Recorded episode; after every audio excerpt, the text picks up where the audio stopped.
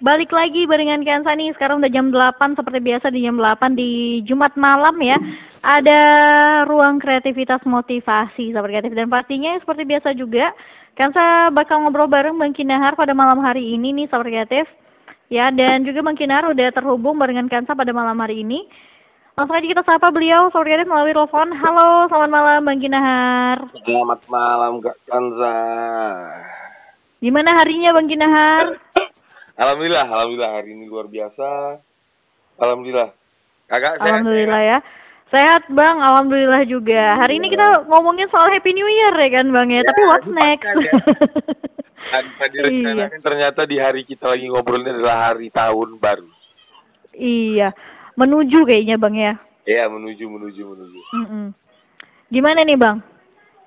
Ya, Kita kita dari dari mulai dari mana nih maksudnya? ini nggak bang- banyak sebenarnya tentu banyak lah yang bisa dibahas dari tahun baru. Tapi yang paling standar gitu, yang kayaknya Mhm. semua orang ber- bercerita tentang apa yang akan dia lakukan atau apa yang akan dia capai eh, atau dalam bahasa lain resolusi apa di tahun Mhm. 2022 gitu kan.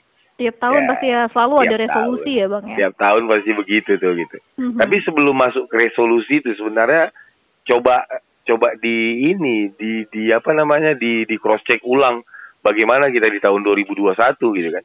Tentu kita Mhm. di tahun 2020 semalam juga melakukan resolusi untuk tahun 2021. Itu Pastinya Bang. ah, itu maksudku apakah tercapai atau tidak gitu. Jadi jangan sekedar cuman buat-buat ikut-ikut ikut-ikut tren gitu kan.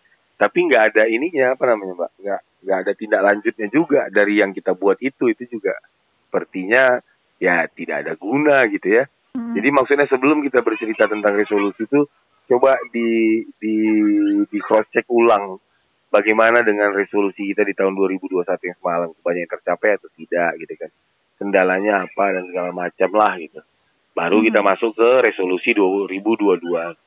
Nah, dalam penyusunan resolusi ini yang mau kita ceritakan dalam kesempatan malam hari ini itu harapannya sih eh, kalau boleh lah ya memberikan saran gitu. Jadi bukan lagi yang bersifat eh ap, bukan bukan yang bersifat barang Ang, gitu. Jadi resolusinya bukan aku mau naik pangkat atau aku mau beli rumah atau aku mau kawin atau aku mau punya ini gitu. Mau naikkan haji atau eh, saya, kalau boleh saran sih nggak usah yang begitu model resolusinya gitu. Jadi kita Yang coba gimana kita coba ganti mungkin dengan resolusi yang baru. Maksudnya sebelum sebelum sebelum sebelum kita masuk jadi yang kayak mana kan pertanyaannya kenapa Mhm. nggak kenapa harus kita ganti kenapa nggak bentuknya dunia saja ya maksudnya dalam Iya, pengertian yang benar-benar. tadi gitu kan gitu Mhm. karena menurut karena ya ini mungkin tidak semua orang juga tapi dari beberapa orang yang kutanyai eh, hampir rata di tahun 2021 rata-rata resolusinya modelnya begitu gitu jadi silakan tuliskan impian kan model-modelnya gitulah gitu. Dan sifatnya semuanya begitu gitu. Nah faktanya ya bagaimana dengan keadaan kita ini gitu? Di apa di tahun 2021 itu ya, banyak yang tercapai atau tidak gitu? Sekali kena pandemi langsung hilang semua resolusi saat itu gitu kan.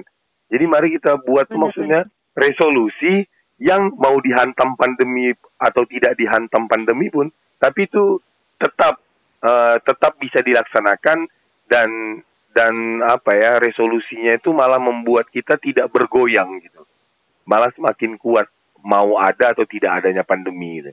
Nah kita mau bercerita tuh resolusi yang modelnya begitu gitu. Nah, apa itu gitu ya? Kalau Hmm. ditanya apa itu gitu. Jadi resolusinya tuh kalau boleh saran lebih kepada eh, pembenahan diri sih menurutku gitu. Terkait dengan karakternya gitu. Jadi coba jadi sebelum kita masuk ke resolusi 2022 gitu. Siapa pun yang mendengar obrolan kita malam hari ini gitu.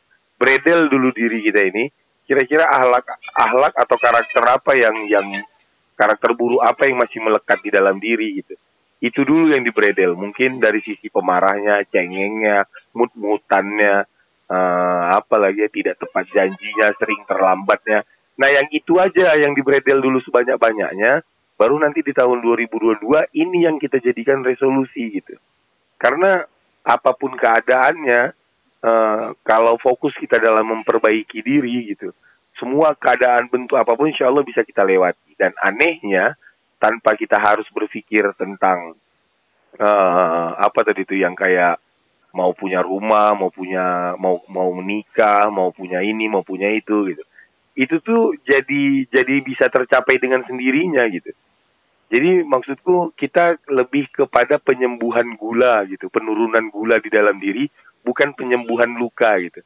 Ini kalau ngulang cerita lagi kan, misalnya kita mm -hmm. punya gula darah yang tinggi gitu kan kak, terus di saat itu kita luka nih gitu, uh, kaki kita sobek misalnya atau jatuh lah yeah. gitu kan. Mm -hmm. Nah apa yang harus kita lakukan gitu? Kalau kita sembuhkan lukanya tanpa menurunkan gula, maka luka itu juga nggak akan sembuh gitu. Mm-hmm. Karena gulanya masih tinggi. Jadi bagaimana cara menyembuhkan luka itu? Turunkan saja gula darahnya gitu. Ketika gula darah turun, maka luka yang ada di kaki tadi otomatis akan sembuh dengan sendirinya. Nah, berdasarkan anekdot itu, menurut saya dari apa yang saya pahami dari guru saya, itu kalau kayak soal harta benda, jabatan gitu kan, itu sifatnya semuanya luka-luka saja gitu. Mm-hmm. Jadi banyak orang yang peduli kepada lukanya tapi tidak peduli kepada penurunan gulanya gitu. Jadi kesulitan untuk mendapatkan yang tadi yang yang yang sifatnya harta benda itu dan jabatan. Jadi mari fokusnya kepada penurunan gula. Jadi kalau boleh saran memang resolusi 2022 kita fokus kepada penurunan gula. Gula itu yang mana yang tadi? Kita makin hmm. makin jadi ramah orangnya, makin makin tidak tidak suka marah, makin penyabar gitu kan. Nah, yang gitu-gitu tuh targetnya yang kita buat di 2022. Jadi sebenarnya yang harus kita lakukan adalah cross check dulu nih kesalahan-kesalahan kita apa sih yang membuat kita keliru-keliru gitu ya bang ya. Mm -hmm. Sebelum kita memikirkan yang hal-hal yang baik yang akan kita rencanakan, ada baiknya kita mengintrospeksi diri dulu gitu ya kan. Nah, yang yang yang jadi yang jadi bahan introspeksi itu itulah yang mm -hmm. jadi resolusi kita di tahun 2022. Jadi maksudku kita mau nggeser nih, kalau mungkin kebiasaan dulu-dulu resolusi kita sifatnya harta dan jabatan mungkin gitu kan. Mm -hmm. Kalau sekarang ini bukan itu lagi, tapi lebih pada ke ke apa namanya ke pemantasan diri lah istilah orang gitu. Pemantasan diri ini dalam bentuk yang tadi tuh uh, sepe, seberapa menyenangkan aku gitu, seberapa seberapa bahagia aku, seberapa tidak apa namanya seberapa tepat waktu aku gitu. Nah yang itu yang kita jadikan resolusi gitu. Jadi target kita tahun 2022 aku mau di setiap aku diundang aku hadir lima menit sebelum waktu undangan gitu. Nah, yang yang gitu-gitulah. Mm-hmm. Entah kenapa kalau nanti kita kayak gitu gitu. Saya meyakini bahwa harta benda dan jabatan tuh akan mengejar-ngejar gitu. Jadi kalau istilah apa ya, para filsuf-filsuf tuh ya, harta benda dan jabatan nih layaknya bayangan yang ketika dikejar dia akan melari gitu. Tapi ketika kita menjauh darinya, dia yang akan ngejar malah kita mendekat, gitu. gitu. Ah, dia yang malah mendekat. Nah, jadi balikkan yang kita kejar. Yang kita kejar itu lebih kepada yang tadi kedisiplinan, gairah hidup, semangat hidup gitu kan. Uh, passion dalam melakukan semua kegiatan gitu. Nah, yang gitu-gitunya nih yang jadi resolusi di dua tahun 2022. Ya, karena apa ya hubungannya di mana gitu. Uh, ketika kita fokus kepada perbaikan diri, maka harta dan jabatan itu akan ngejar gitu. Karena memang semua orang-orang yang memiliki harta dan jabatan gitu, pada prinsipnya mereka itu punya attitude, punya karakter yang baik gitu. Jadi mari fokus kepada pembenahan karakter saja. Nggak ada orang yang kaya banget itu yang yang apa yang kerjanya malas-malasan tuh nggak ada gitu. Mm-hmm. Semua orang yang kaya banget mereka kerja tuh bisa 20 apa ya 20 kali lipat daripada orang-orang yang biasa gitu. Mm-hmm. Terus bangunnya juga akan jauh lebih pagi daripada orang-orang yang yang yang yang tidak yang belum dititipin harta dan jabatan yang banyak mm-hmm. gitu. Nah, jadi mari, mari kita fokus kepada yang itunya saja gitu. Nanti secara otomatis harta dan jabatan itu akan mengejar-ngejar diri kita gitu. Tanpa kita nggak pengen ya, tapi apa ya kalau istilah kawanku tuh ditabrak-tabrak uang gitu gitu. Jadi uang tuh yang maksa kita untuk masukkan ke dalam kantongmu gitu gitu gitu. Malah bukan kita yang mencari tapi uang yang mencari kita gitu ya. Iya, Bang? iya. Jadi maksudnya ah ini ini cara berpikir yang lain gitu ya. Hmm. Uh, cara berpikir yang lain. Kenapa harus mencari rezeki gitu loh gitu. Mm-hmm. Karena yang namanya mencari itu memang adalah hal yang paling capek gitu, cari jodoh, cari rezeki gitu. Gak usah dicari mereka gitu. Mereka itu sudah ada gitu. Mereka sudah ada tidak perlu dicari. Biarkan mereka yang datang gitu. Jadi uh, apa ya? kalimatnya tuh kalau yang namanya mencari itu melelahkan lah itu sama kayak saya minta tolong ke kansa tolong carikan saya jarum di Mhm. dalam ruangan tuh kan mencari itu barang tuh ada pasti ada di situ tapi kalau yang namanya mencari itu kita yang akan berusaha dan kita yang akan kepeningan gitu kan jadi lebih bagus udahlah datangkan jarum itu gitu loh nah itu it- itu artinya jarumnya tidak perlu dicari gitu. cuman pertanyaannya bagaimana caranya agar jarum itu yang datang gitu kan nah yang saya Mhm. pahami bahwa rezeki eh, atau ya rezeki dalam segala pengertian gitu itu tuh yang punya ya mau nggak mau ya setuju mau nggak mau memang harus dilibatkan Tuhan dalam aktivitas itu gitu. Karena semuanya punya Tuhan. Bahkan ada orang-orang tua dulu bilang kan bahwa rezeki maut jodoh tuh semuanya di tangan Tuhan gitu. Oleh sebab itu biarkan saja Tuhan yang me- yang menyerahkannya kepada kita gitu. Ngapain kita capek-capek untuk membuka tangan Tuhan itu gitu kan?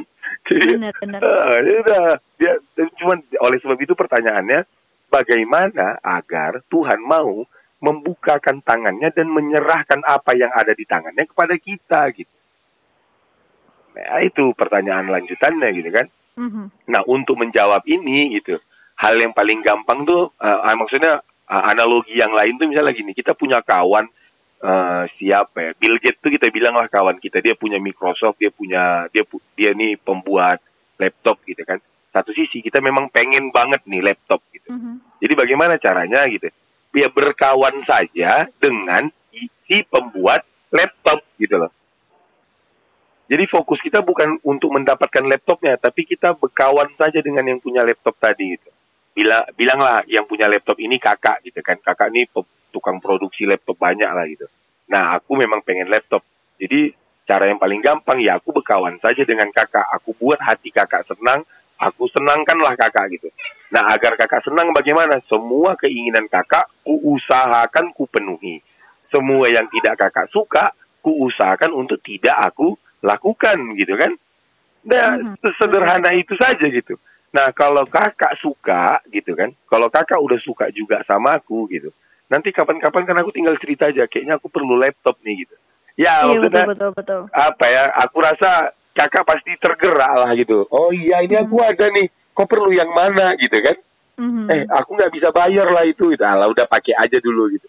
Nah kalimat-kalimat itu kenapa kita bisa kadang kan kita pernah lah pasti sama kawan kita keluar kalimat-kalimat itu. Ya udah kau pakai aja dulu ini itu Mhm. aduh nggak bisa bayar aku. Udahlah nanti aja gampang lah itu, ya nah kan? gitu-gitu kan.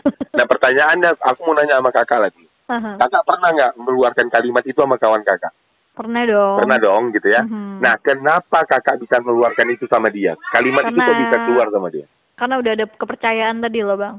Hmm. Apa yang Hmm. buat kakak bisa percaya sama dia? Karena sikap dia, sikap dia dan apa ya perilakunya mungkin ya tentang seperti itulah, Bang. Iya, yang kurang. yang yang dia menyenangkan kakak, ya kan Pastinya gitu menyenangkan tuh kan? ya. Ah, iya. ya. dalam segala pengertian lah bentuk menyenangkannya gitu.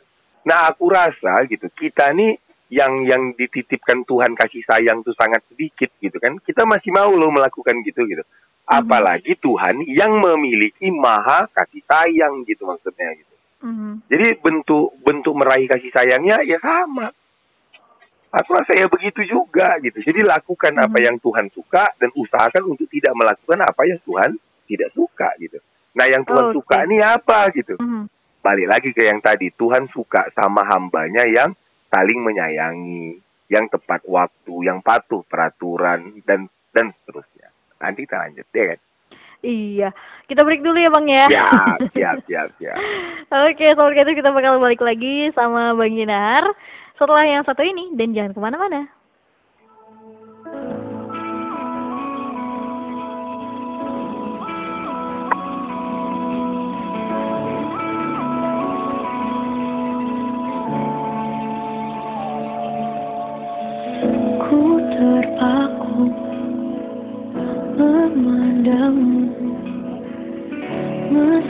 Meskipun kau tak di depanku Ku menunggu. Adakah dirimu hadir lagi Di harimu Melihat senyum yang bukan untukku Cukup buatku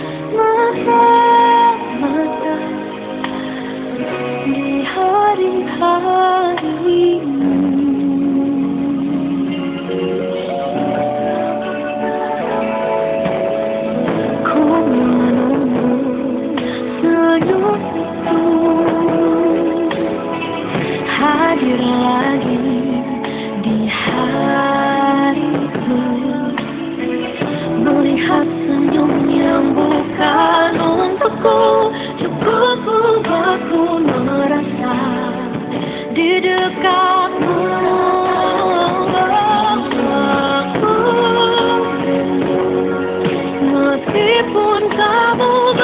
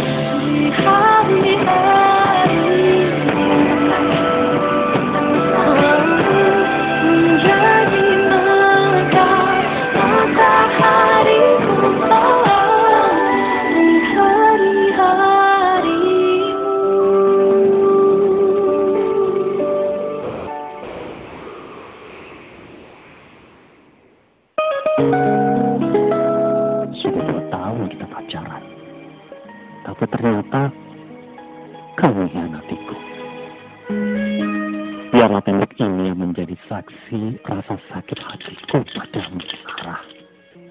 Sarah, aku benci kamu. Perhatian buat kamu yang berada di ujung tembok. Patah hati, ya patah hati aja. Putus cinta nggak begitu juga, bah. Jangan merusak fasilitas umum lah. Pesan ini disampaikan oleh Radio Republik Indonesia. 92,4 RRI Pro 2 FM Medan, suara kreativitas. Oke, Kreatif balik lagi barengan kan saya. Masih di ruang kreativitas motivasi barengan Bang Kinahar ngebahas soal New Year, New Year, tapi what's next? Aja kita sapa kembali nih Sobat Kreatif ada Bang Kinahar yang masih terhubung barengan Kansa di telepon. Halo Bang Kinahar. Halo Kak Kansa. Oke, silakan Ya. kita lanjutin Bang. Ya, jadi gitu ya. Terus ada lain gitu. Eh, kita dengan dengan gaya kita di tahun 2021 itu kondisi kita tuh kayak sekarang ini gitu. Ya apa ya ya ya, ya macam-macam lah gitu kan. Tapi saya mau menyentuh saya mau menyentuh yang tidak terjadi perubahan apa-apa nih gitu. Ya kita gini-gini aja gitu kan. nggak ada oleh sebab itu kenapa masih mau pakai gaya yang lama itu terutama tentang resolusi ataupun yang lain-lainnya gitu. Cobalah kita gunakan dengan gaya yang baru gitu. Karena udah coba Hmm. ta- tahu tengok tahun 2021, tengok tahun 2020 gitu kan. Ini yang ada pandeminya gitu kan. Tahun 2019 yang tidak ada pandeminya, 2018 tidak ada pandeminya gitu. Lihat bagaimana keadaan hidup kita gitu. Gitu-gitu aja gitu. Mm-mm. Ya yang kerja ya kerja aja gitu kan. Yang dia nggak suka sama kerjaannya ya tapi harus kerja ya begitu juga gitu.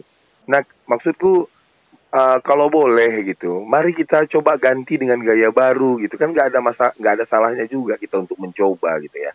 Toh juga nggak ada ruginya gitu apabila kita melakukan apa yang kita sampaikan di sesi yang pertama tadi. Jadi fokusnya sudah yang diperbaikan dirinya saja gitu. nggak usah lagi yang tentang apanya ya target-target sebatas dunia harta dan jabatan itu gitu tapi targetnya ke ke pembenahan diri gitu seberapa bersabar aku seberapa tepat Mhm. waktu seberapa bersemangat dan seterusnya gitu. Yang mungkin dulunya itu masih milih-milih kerja ayolah gitu. Mhm. tahun 2022 nih nggak usah yang gitu lagi gitu gayanya gitu. Ya walaupun kita mungkin sarjana pertanian yang harus punya kebun atau sarjana teknik yang yang yang bayangan kita harus kerja di perusahaan IT gitu. Atau sarjana ekonomi yang mungkin punya cita-cita kerja di bank gitu kan ya tahun 2021 ini juga kita nggak apa ya karena kita sangat bersemangat atau kepinginnya kerjaan itu toh juga nggak dapat kerja gitu kan jadi coba tahun 2022 ini udahlah, nggak usah nggak usah lagi pikirkan mau kerjaan apa. Apa pun Mhm. kerjaannya sekarang tuh udah yang gitu gitu. Jadi bukan harus kerjaan itu enggak. Apa pun kerjaannya ya udah embat aja gitu. Jadi mari kita aja ya bang iya ya, kita kita ikhlas kita kita gunakan dulu cara baru ini gitu ya. Mhm. Kerjakan aja apa yang datang fight, apa yang datang hajar gitu. Mainkan aja gitu, sungguh-sungguh di situ, berjuang di situ gitu. Ya memang ya, nggak ada yang kita ngerti loh pasti itu gitu. Bahkan kita jadi manusia ini pun kita juga nggak ngerti ya bagaimana cara menjadi manusia itu. Sebabnya Tuhan Mhm. menurunkan kitab suci agar kita paham gitu. Tapi memang faktanya lebih banyak kita tidak memahami ayat apa namanya kitab-kitab suci kita gitu kan. Jadinya masih samburetan juga ya kita dalam menjalani hidup ini sebagai manusia gitu jadi memang masih agak gimana gimana gitu ya iya gitu. Jadi itu fakta kehidupan bahwa kita memang tidak ada Mhm. tahunya atau kalau bahasa guru itu kurang lebih itu nah, fakta kehidupan itu dalam menjalani sesuatu bukan menunggu sempurna baru dijalani tidak. Tapi Mhm. memang jalan lalu sempurnakanlah dalam perjalanan itu gitu. Atau eh, kalau dalam tulisan yang lain yang pernah saya baca, kapal itu dibuat bukan hanya untuk berlabuh gitu. Tapi Mhm. kapal itu dibuat memang untuk untuk berlayar gitu kan. Eh, siap atau tidaknya siap kapal itu ya kapal memang untuk dibuat untuk berlayar. Oleh sebab itu berlayarlah. Nah, ketika dalam perjalanan itu ada yang lubang-lubang, ya dalam berlayar itulah ditambal gitu kan. Jadi Iya, benar apa ya memang ya memang begitu fakta kehidupan. Jadi nggak usah nggak usah milih-milih kalau yang anak ekonomi harus kerja di bank. Nggak usah gitu dulu. Ketika memang ada tawaran untuk nyangkol misalnya, ya udah nyangkol aja gitu kan. seadanya aja ya bang ya Iya. dimanfaatkan apa yang ada gitu Karena memang goalnya kurasa bukan meraih kerjaan itu, tapi memang lagi-lagi tadi diri kita, tubuh kita ini gitu, kita ini menjadi pribadi yang benar-benar seperti yang Tuhan inginkan gitu. Nanti baru Tuhan kasihkan apa yang ada di dalam tangannya. Apa yang ada di dalam tangannya nih memang punya dua versi. Pertama, seperti yang kita inginkan atau Hmm. memang sesuatu yang tidak kita inginkan tapi akan jauh lebih baik gitu ya. Ya, itu tuh bagaimana caranya agar dia keluarkan lagi-lagi memang kita jadi pribadi memang yang yang memang layak lah mendapatkan ap, ap- apa yang ada di tangannya Tuhan tadi. So dalam istilah Mhm. yang lain itu memang layak untuk menjadi kekasihnya Tuhan gitu loh gitu. Kalau Mhm. kita udah jadi kekasih gitu ya, aduh apa namanya, tanpa harus meminta gitu. Kita akan berusaha untuk mewujudkan apa yang diinginkannya gitu kan. Begitu kita dengan kekasih-kekasih kita gitu kan. betul betul betul Nah, mari kita berjuang. Jadi goalnya itu memang bagaimana menjadi kekasihnya Tuhan gitu loh. Mhm. Jadi bukan bukan bukan bukan bagaimana mendapatkan mobil, bukan bagaimana Mhm. mendapatkan tanah, rumah, jabatan enggak, tapi bagaimana menjadi kekasihnya Tuhan. Kurasa itu goal yang yang yang yang harus Mhm. diperjuangkan gitu di tahun 2002 ini. Nah, wujud konkretnya Itu- apa? Eh, ah tadi. wujud konkretnya kita masuk ke wujud konkretnya aja nih coba bang Ya, wujud konkretnya apa itu yang udah kita bahas Mhm. di sesi pertama tadi itu. Tuhan tuh Mhm. suka sama manusia yang kayak mana? Itu aja pertanyaan. Mhm. Nah, silahkan jawab berdasarkan pengetahuan kita masing-masing. Tentu nanti beda-beda. Tapi kan kalau secara umum ya Tuhan suka kepada manusia yang bergairah daripada yang malas-malasan gitu kan. betul Ya, Tuhan suka sama orang yang yes man istilahnya. Tolong bantu ini, iya. Tolong ini, iya. Yang gitu ya gitu. apa aja ready ya ya? ready gitu, bukan yang Hmm. no man gitu kan. Tuhan suka sama orang-orang yang optimis gitu loh. dan Sulit nggak nih. pilih-pilih pastinya Nah, yang nggak pilih-pilih. Eh, Kalau memang yang ada itu hajar Hmm. dulu gitu, Hajar berjuang dulu dulu, itu. gitu iya. betul betul Jadi bukan nunggu jago. Aku ada kawanku. Sekarang nih beliau nih lagi kerja di satu kerjaan proyek gitu lah ya. Itu orang-orang di dalamnya menurutku adalah orang-orang yang jago semua lah. Dengan pengalaman main proyek itu bukan lagi satu dua tahun gitu ya. Tapi sudah ber bertahun-tahun bahkan berbelas-belas gitu. Dan seka Mhm. dan sekarang ini kerjaannya juga apa? Kalau istilah Medan samburetan kok gitu. Tidak berhasil menyelesaikannya seperti apa tepat waktu gitu kan. Jadi bukan apa, memang bukan bu, apa namanya kita yang sudah bertahun-tahun pun mengerjakan satu bidang itu juga bukan bukan menjadi tolak ukur bahwa kita Mhm. mampu menyelesaikan yang enggak gitu. Karena dalam setiap kerjaan itu nanti akan punya tantangan-tantangannya terus. Jadi selalu belajar karena memang poinnya selalu belajar. Jadi nggak harus nunggu kita jago dulu gitu. Oke lah kita Mhm. udah kumlot lah ini waktu kuliah di ekonomi gitu kan. Harapannya Mhm. kerja di bank gitu. Kerja pun nanti di bank itu juga kita akan memulai dengan dengan nol gitu. Mhm. Jadi apa aja kerjaannya kerjakan. Merasa begitulah dan berulang-ulang kali kita obrolkan kita sampaikan di di apa ya di Jumat malam ini bahwa Mhm. memang tak ada lain cara meng- mengatasi kehidupan kita sekarang nih ya harus bersemangat harus optimis gitu nggak nggak ada gitu ada atau tidak adanya pandemi nanti ke depannya gitu pokoknya optimis aja Jadi itu Yakin tadi dulu. ya bang ya bang bilang kayak eh, resolusi itu eh, baiknya yang yang seperti abang bilang tadi gitu kan. Iya yang lebih kepada pembenahan diri gitu Jadi Nah, ya, jadi ah, ya. eh, apa apakah eh, salah gitu bang kita memiliki resolusi yang eh, terkesan duniawi gitu loh? Gimana Oh, nih iya, menurut iya, abang? iya, iya. Enggak, kita memang lagi-lagi bukan mau cerita salah dan tidak salah gitu kan. Mhm. Tapi kayaknya kurang kurang nendang gitu. Karena nanti ketika apa ya, kalau kita memang misalnya pengen pengen pengen punya uang 2 miliar gitu kan. Mhm. Nah, itulah bilanglah itulah resolusinya di 2022 karena angka duanya lebih banyak jadi dia pengen 2 miliar gitu. Ya, 2022 nggak bang? Ah. 2020 juga. 2 miliar 222 juta gitu ya. Jadi Iya. target dia itulah yang mau dia dapat dalam satu tahun di tahun 2022 ini gitu kan. Nah itu sifatnya dunia gitu.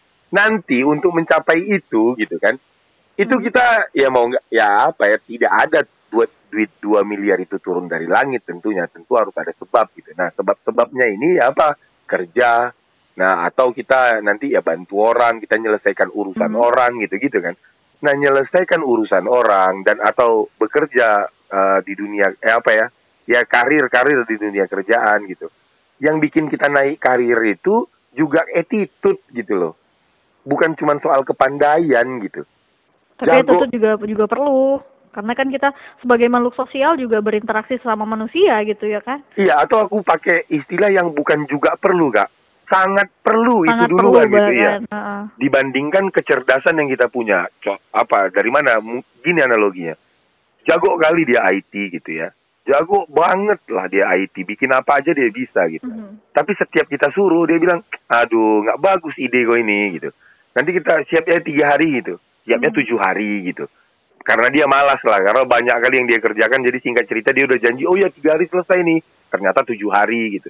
Mau itu nggak? attitude attitude-nya kurang tadi itu ya bang ya. Iya, mau nggak pakai orang yang kayak gini? Tapi dia jago banget gitu. Kakak lah yang Mhm. punya perusahaan ya. Kira-kira mau nggak kakak pakai orang yang modelnya begitu gitu?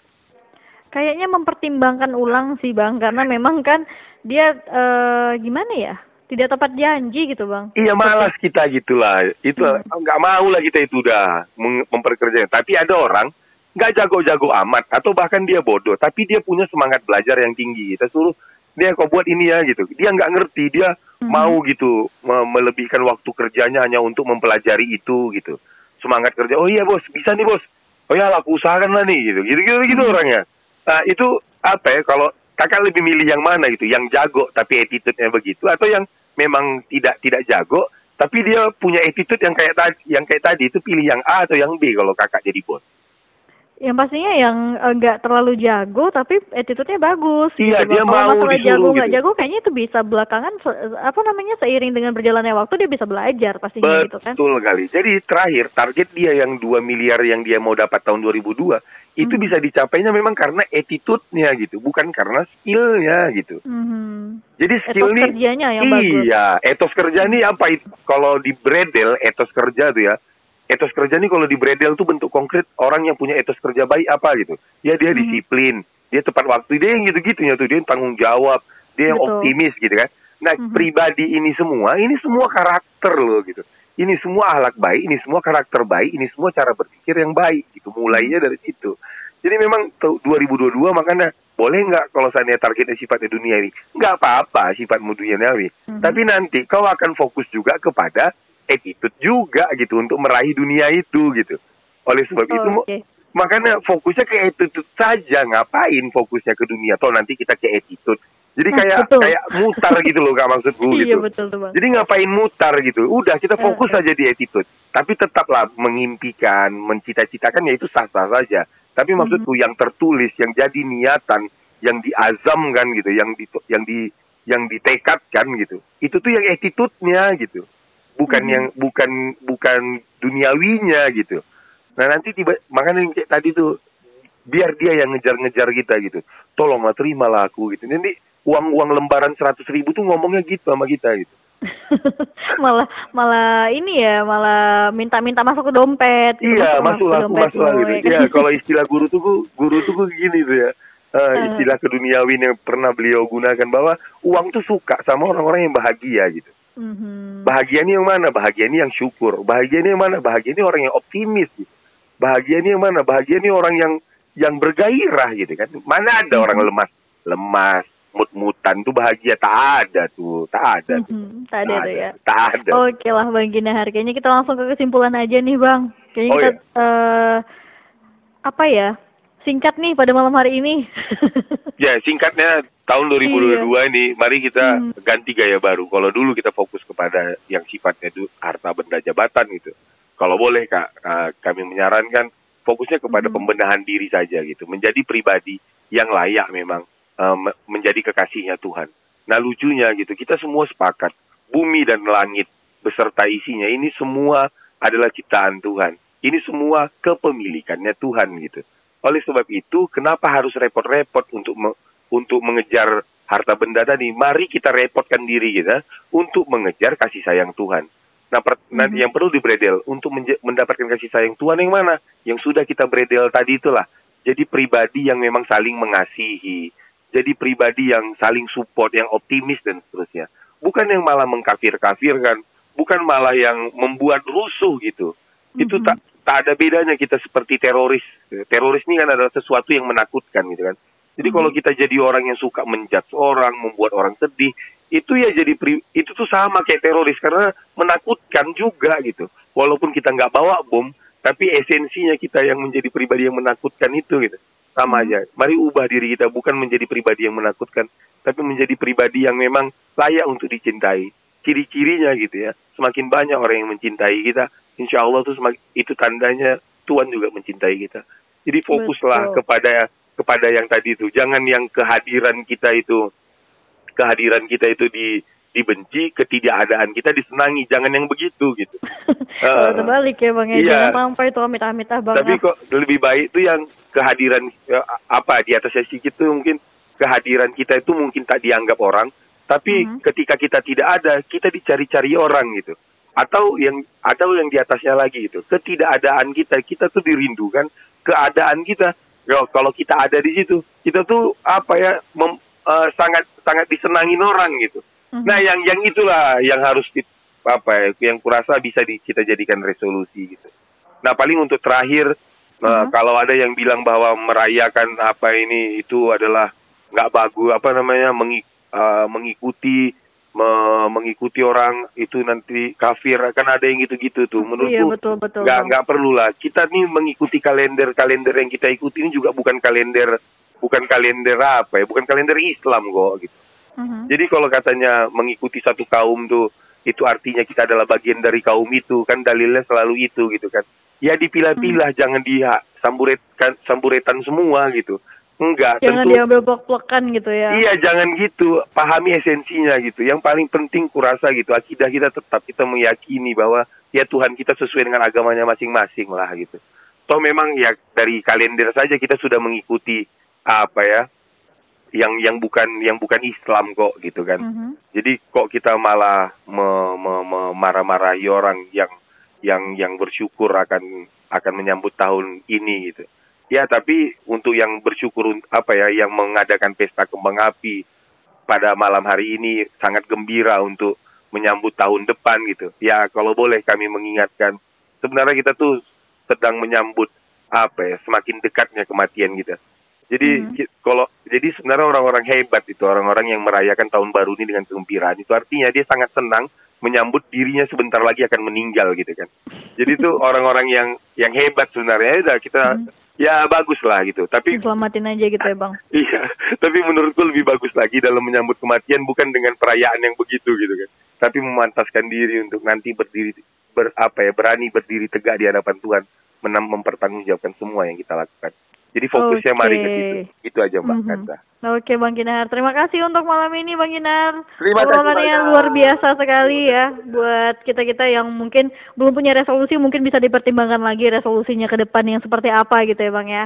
Siap. Oke, terima kasih sekali lagi Bang jumpa Kak sehat-sehat Kansa. selalu. Selamat tahun baru untuk Kak Selamat tahun dan baru juga untuk Bang RRI yang Kinahar. ada di sana. Sampai jumpa di tahun 2022 nanti ya Bang. Ya, insyaallah amin. iya dan selamat malam Bang. Selamat malam Kak Kansa. Oke.